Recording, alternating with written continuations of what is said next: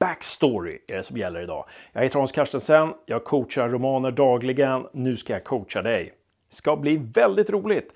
Och vill du vara med i den här romanverktygsfamiljen så ta och prenumerera så missar du inga avsnitt. Det blir jättebra, jag lovar. Nu kör vi!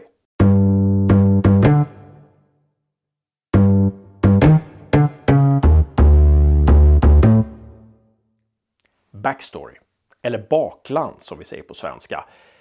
Du har säkert hört termen massor med gånger och du kanske själv sitter och gnäller när du ser en film eller läser en roman. Vad är det för backstory här? Jag vill ha mer backstory eller jag får för mycket backstory. Backstory brukar förklaras med att det som har hänt innan berättelsen börjar. Men det behöver inte vara hela sanningen. Backstory är också saker som finns luckor mellan kapitel eller mellan scener. Och ett kapitel slutar med att hon går och lägger sig och det andra kapitlet, nästa kapitel, handlar om att hon är på jobbet. Då finns det en backstory här emellan. Alltså vi har någonting här emellan som inte har redovisats. Och det kan redovisas om det behövs. Det kanske är bra om du som författare vet vad som har hänt där. Men det behöver inte redovisas om det inte är nödvändigt för storyn. Men backstory gäller inte bara karaktärer. Alltså det är inte bara karaktärerna i berättelsen som har en backstory, eller ett bakland, eller en förhistoria om du vill det. Utan allting har det. Hus har det.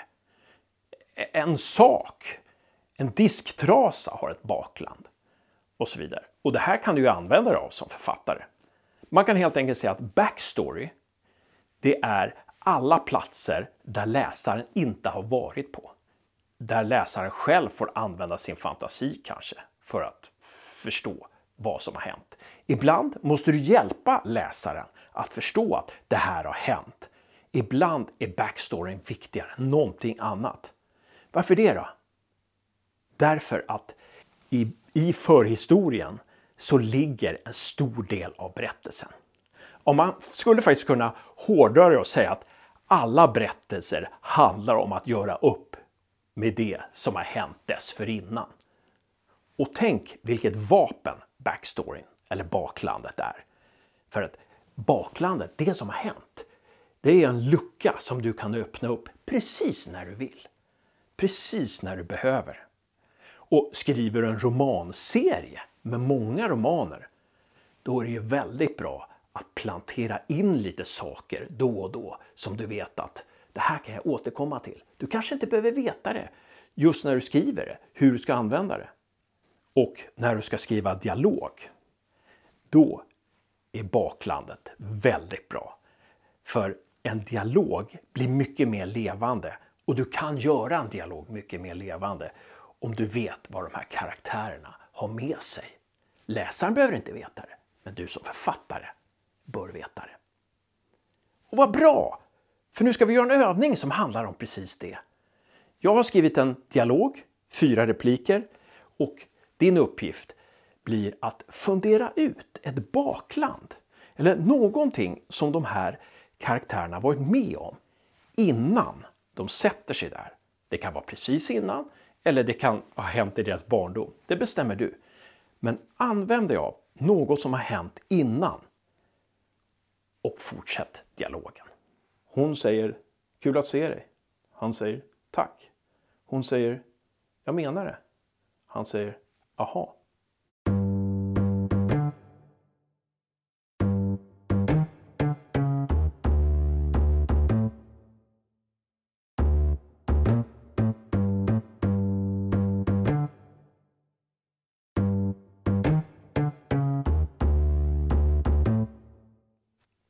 Du frågar säkert så här, men måste jag veta allt som mina karaktärer har varit med om? Nej! Du behöver inte veta, du behöver inte tänka som Lars Norén att du måste veta vad deras tandläkare heter för att börja skriva. Du kan bara börja skriva och komma på saker medan du skriver. Ja, hon har kanske haft en sån barndom. Mm. För det finns en fara i att författare som letar väldigt mycket i baklandet och hittar väldigt mycket där. Det finns en fara att många vill stoppa in så mycket som möjligt i sin berättelse. Bara för att bevisa att tänk vad jag vet, allt det här vet jag. Och Det gör att berättelsen blir alltså överlastad med massa bakland och massa onödig information. Äh, det är viktigt att veta vad du ska använda baklandet till. Och Det gäller att sålla också. När, när du vet mycket, det är bra att du vet mycket, men sålla när du skriver till berättelsen. Så varför är det viktigt att veta vad som har hänt en gång i tiden? Förutom när man ska skriva dialog. Ja, om du skriver en berättelse som bara handlar om det som händer i nuet. Du kan vara jätteduktig på att eh, illustrera det som händer i nuet. Du kanske till och med har jobbat som eh, flygvärdinna eller pilot eller någonting. Och, och, kan väldigt mycket om flyg och resor. Och så vill du stoppa in det och sådär. Du skapar en jättebra miljö i nutid. Men det kommer inte räcka. För hur mycket nutid vi än får så vill vi någonstans veta var karaktärerna kommer ifrån. Vi vill veta vad de har med sig och vi vill veta hur det påverkar dem i nuet. Och vi vill känna att protagonisten och en del andra karaktärer har ett projekt. Den vars perspektiv vi följer, vi vill känna den personens projekt, att den vill någonting. Och den här viljan bottnar oftast i någonting som har hänt tidigare. Okej? Okay? Vi kommer till övning två nu. Den här övningen, låtsas vi, är inledningen på en roman som ska handla om en person som vill fly ur fängelset. Vi kallar den här personen för Lisa. Men för att du ska kunna skriva det här, för att det ska bli intressant för oss läsare, så behöver du svara på några frågor om Lisa. Och det är helt enkelt uppgift två. Några frågor som du ska svara på och jag lovar, när du har svarat på de här frågorna så kommer Lisas flykt bli mycket mer angelägen. Så Lisa vill fly ur fängelset. Det är hennes projekt. Men svara på frågorna.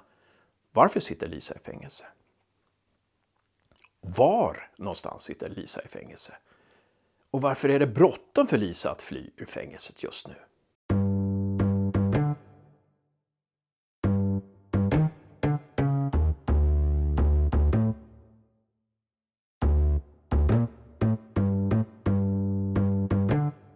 Det viktiga med den här övningen är ju att visa att det blir mycket mer angeläget för oss läsare att engageras i Lisas flykt när vi vet varför hon vill fly och varför det är så bråttom och så vidare.